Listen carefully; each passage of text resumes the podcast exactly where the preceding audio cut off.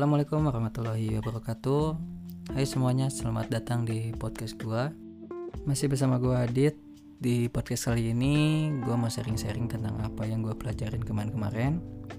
Karena kebetulan juga gua bekerja di salah satu kedai kopi di Bandung Timur. Jadi gue iseng-iseng tuh nyari materi tentang perkopian Gimana sejarahnya bisa nyampe ke Indonesia. Oke nggak pakai lama kita langsung masuk ke ceritanya. Jadi ceritanya gini Kata kopi itu berasal dari bahasa Arab yaitu kohwah yang artinya kekuatan.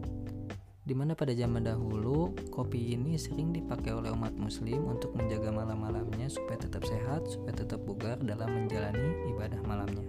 Pada abad ke-9 tepatnya di Ethiopia ada suatu kisah yang terkenal yaitu pengembala kambing yang bernama Kaldi pada saat itu mengamati kambing-kambingnya di mana kambing-kambingnya itu eh, pas malam tuh terjaga gitu nggak bisa tidur atau sulit tidur setelah memakan tanaman sejenis berry atau yang kita tahu sekarang itu tanaman kopi.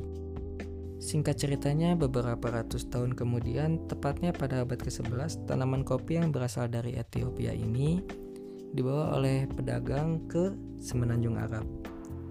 Di mana pada saat itu kopi merupakan komoditi penting di semenanjung Arab sampai ke Eropa.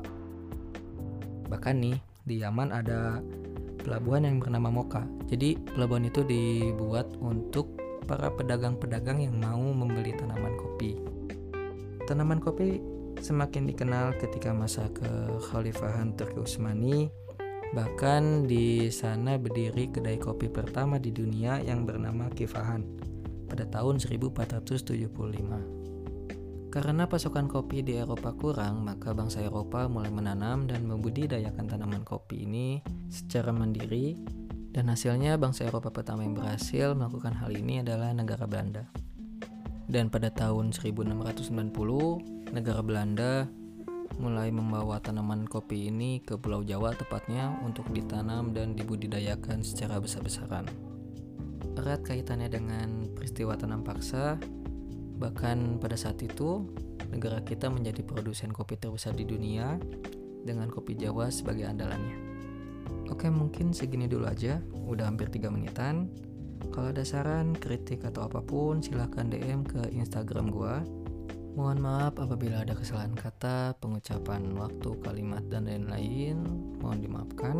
Semoga podcast ini bisa bermanfaat untuk kita semua. Dan See you next time and wassalamualaikum warahmatullahi wabarakatuh.